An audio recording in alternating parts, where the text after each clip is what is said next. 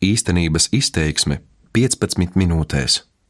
Pirms nepilnas nedēļas kopā ar šā gada valsts budžetu saima galīgajā lasīmā pieņēma arī vairāku likumu grozījumus, kas attiecas uz azartspēļu jomu. To iedarbināšana var sagādāt nepatīkamus brīžus tūkstošiem Latvijas iedzīvotāju, kas mēdz spēlēt azartspēles nelicencētās virtuālajās spēļu ellēs. Formālais saimas pieņemto likumu mērķis ir vērsties pret nelegālu azartspēļu spēlēšanu internetā. Šajā raidījumā īstenības izteiksmi skaidrošu, cik adekvāti ir uzvelt atbildību tikai interneta piegādātājiem un pašiem spēlmaņiem.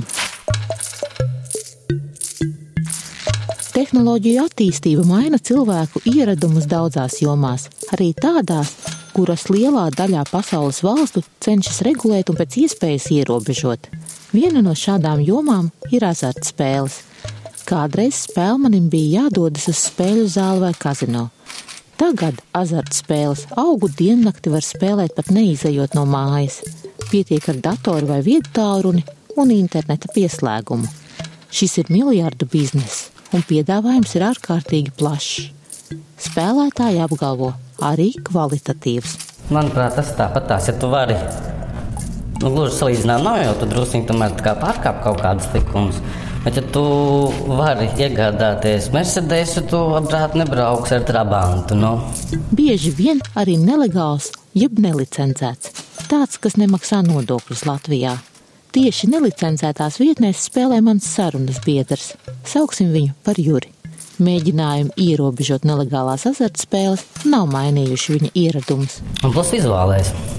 Nu, cik es esmu skatījies, nu, ārzemju varianti ir estētiski pat baudāmāki. Latvijā pie nelegālo azartspēļu ierobežošanas aktīvi ķērās pirms dažiem gadiem. Par azartspēļu jomu atbildīgajā izložu un azartspēļu uzraudzības inspekcijā stāsta ne bez panākumiem. 12. gadā tātad interaktīvo azartspēļu apgrozījums bija 2 miljoni, 2,1, 18. gadā 41. Tā kā tā ļoti liela proporcija un ļoti liela izaugsme. Tā Signa Birne, inspekcijas vadītāja. Izložu un azartspēļu uzraudzības inspekcijas publicētais bloķēto nelicencēto vietņu saraksts ir iespaidīgs. Tas ir 37 lapuses garš. Skaidrojot, kā notiek šo vietņu bloķēšana, Birne uzsver, ka šeit liela loma ir interneta pakalpojumu nodrošinātājiem, jeb tā dēvētajiem provideriem un maksājumu pakalpojumu sniedzējiem, piemēram, bankām. Tiek sagatavots lēmuma projekts par to, ka šī konkrētā vietne ir, ir jābloķē. Tad šie lēmumi tiek apvienoti. Viņi parasti ir vairāki. Viens tas pieprasījums iekļauj sevī vairākus šos lēmumus, un tad tiek sagatavots pieprasījums, kuram tiek pievienoti šie attiecīgie lēmumi. Un pieprasījums nosūtīts ar e, elektronisko parakstu, parakstīts visiem šiem 250 plus mīnus elektronisko sakaru komersantiem plus aptuveni 55 kopā ir, ir kredītiestādes, maksājuma iestādes un tā tālāk. Un viņiem visiem tiek nosūtīts eh, tātad saraksts ar vietnēm, kuras ir jābloķē, un klāt ir arī šie lēmumi, kur viņi var iepazīties, ja vēlas, kāpēc tieši šī vietnē ir jābloķē. Izrādās tieši šeit centieni ierobežot azartspēļu spēlēšanu nelicencētās vietnēs cieši neveiksmi. Proti, nezinām iemeslu dēļ daļa interneta pakalpojumu sniedzēju šos izložu un azartspēļu uzraudzības inspekcijas rīkojumus neizpilda. Pieeja spēļu ellēm netiek bloķēta aizvadītajā gadā neizpildīto lēmumu skaits sasniedzis pat 30%. Vispirmkārt, ir jānodrošina tas, lai, lai visi komersanti, uz ko tas attiecas, īstenotu un izpildītu inspekcijas doto uzdevumu. Un mums ir jāsaprot, kāpēc tas nav izpildīts, vai tā ir kaut kāda nejaušība, vai tā ir kaut kāda neprasme, vai varbūt tehniskas nepilnības, kāds no mazākiem šiem komersantiem varbūt viņam nav tāds nezinu, aprīkojums vai iespējas izpildīt visu, kas ir norādīts šajos lēmumos lēmumos. Tieši tāpēc kopā ar valsts budžetu apstiprināšanai saimā virzīti un pieņemti vairāku likumu grozījumi. Tie paģēra bankām bloķēt likmju maksājumus, kas tiek likti nelicencētu azartspēļu vietnēs, un informēt valsts ieņēmumu dienestu par cilvēkiem, kas mēģinājuši veikt šādus pārskaitījumus. Vienlaikus paplašinātas izložu un azartspēļu uzraudzības inspekcijas tiesības iegūt informāciju par spēlētājiem, kas apmeklējuši nelicencētas virtuālās spēļu elles. Inspekcijas darbiniekiem piešķirtas tiesības piekļūt interneta pakalpojumu izmantotajām sistēmām. Paredzēts arī sodīt iedzīvotājus, kas tomēr spēlējuši azartspēles nelegālajās vietnēs. Administratīvais sots par šādu pārkāpumu varēs sasniegt pat 350 eiro, taču spēlmaņus plānots sodīt ne tikai par azartspēļu spēlēšanu, bet arī dzen par izvairīšanos no nodokļu nomaksas no nelegālās azartspēlēs gūtiem laimestiem. Pilnīgi noteikti tas ir komplekss risinājums.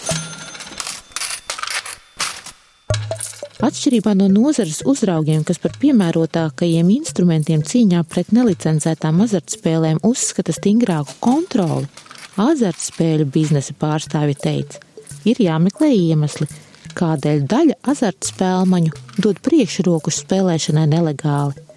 Viņu novērojumi liecina, ka nelegālo spēļu popularitāte pēdējā gada laikā ir pieaugusi stāsta Latvijas spēļu biznesa asociācijas runas vīrs Arnis Vērzemnieks. Pēc tiem pirmajiem soļiem, bloķēšanas un tām lietām sākās ēna ekonomika, nelicencēti ir mazināties.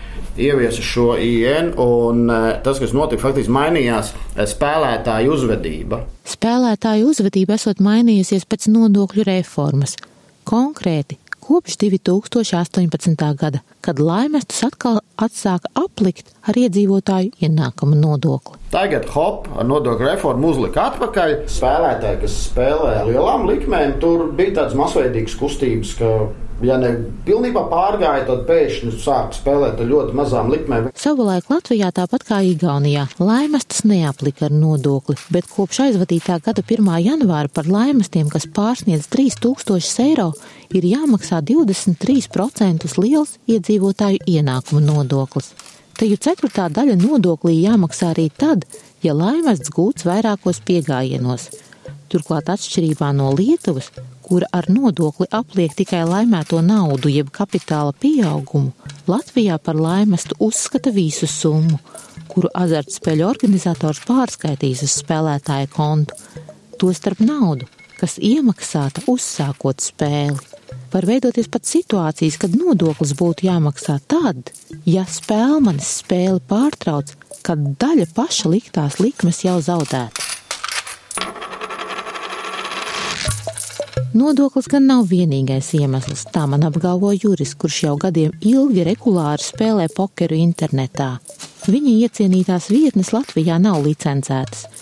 Regulāru spēlmaņu vidū valda pārliecība, ka virtuālo azartspēļu milžu piedāvātie pakalpojumi ir galvas tiesa pārāki par tiem, ko piedāvā mazāki. Latvijā legāli azartspēļu organizatori. Tur ir unikāls, neuzlaužams, pats labākais, tuvu pietuvinātais variants reālajai kāršu spēlēm. Un tādi lielie monstri kā pokerstārs, piemēram, ja nu, viņam tomēr ir pasaulē nu, vērā ņemama reputācija, lai viņi tiešām rūpētos par to, ka tur nu, viss ir godīgi, ātri, ātri var iemaksāt, ātri var atgūt to laimēst. Nu. Vietējo azartspēļu uzraugu centieni bloķēt pieeju ārvalstu lapām nesot nekas jauns ne spēlmaņiem, ne azartspēļu organizatoriem. Apiet ierobežojumus esot pavisam viegli. Bloķē tikai piekļuvi konkrētai weblapai, kurā tu nevari ieiet, būdams Latvijā, bet pašu datu strāmu viņi nebloķē. Un, lai apietu to sākotnējo bloku, pietiek ar 30 sekundēs nopumpējamu maziņu programmiņu, izvēlēties valsti, no kurienes tu personificēsi sevi. Tu ienāc tajā mājaslapā, lejuplādē jau spēles serverim vajadzīgo aplikāciju, uzinstalē, un tad tālāk to datu plūsmu mūsu atbildīgie dienesti kantori vairs nu, nekontrolē. To dara Ķīna, piemēram. Nu, mēs tā nedarām. Nu, tāpēc arī viss interesanti var spēlēt. Komentējot saimas pieņemtos likumu grozījumus, interneta eksperts Viesturs Šeļmānos Plešs saka, tas nav adekvāti. Jābūt pārdomātiem un piesardzīgiem šādiem, dot šādus rīkus vai instrumentus eh, cilvēkiem, kur nenes tieši atbildību par to, par savām rīcībām. Atšķirībā no iepriekšējās reizes, kad diskusijās par iespējām ierobežot nelicencētu azartspēļu izplatību Latvijā bijusi iesaistīta arī nozare, šoreiz lēmumi pieņemti diezgan lielā steigā.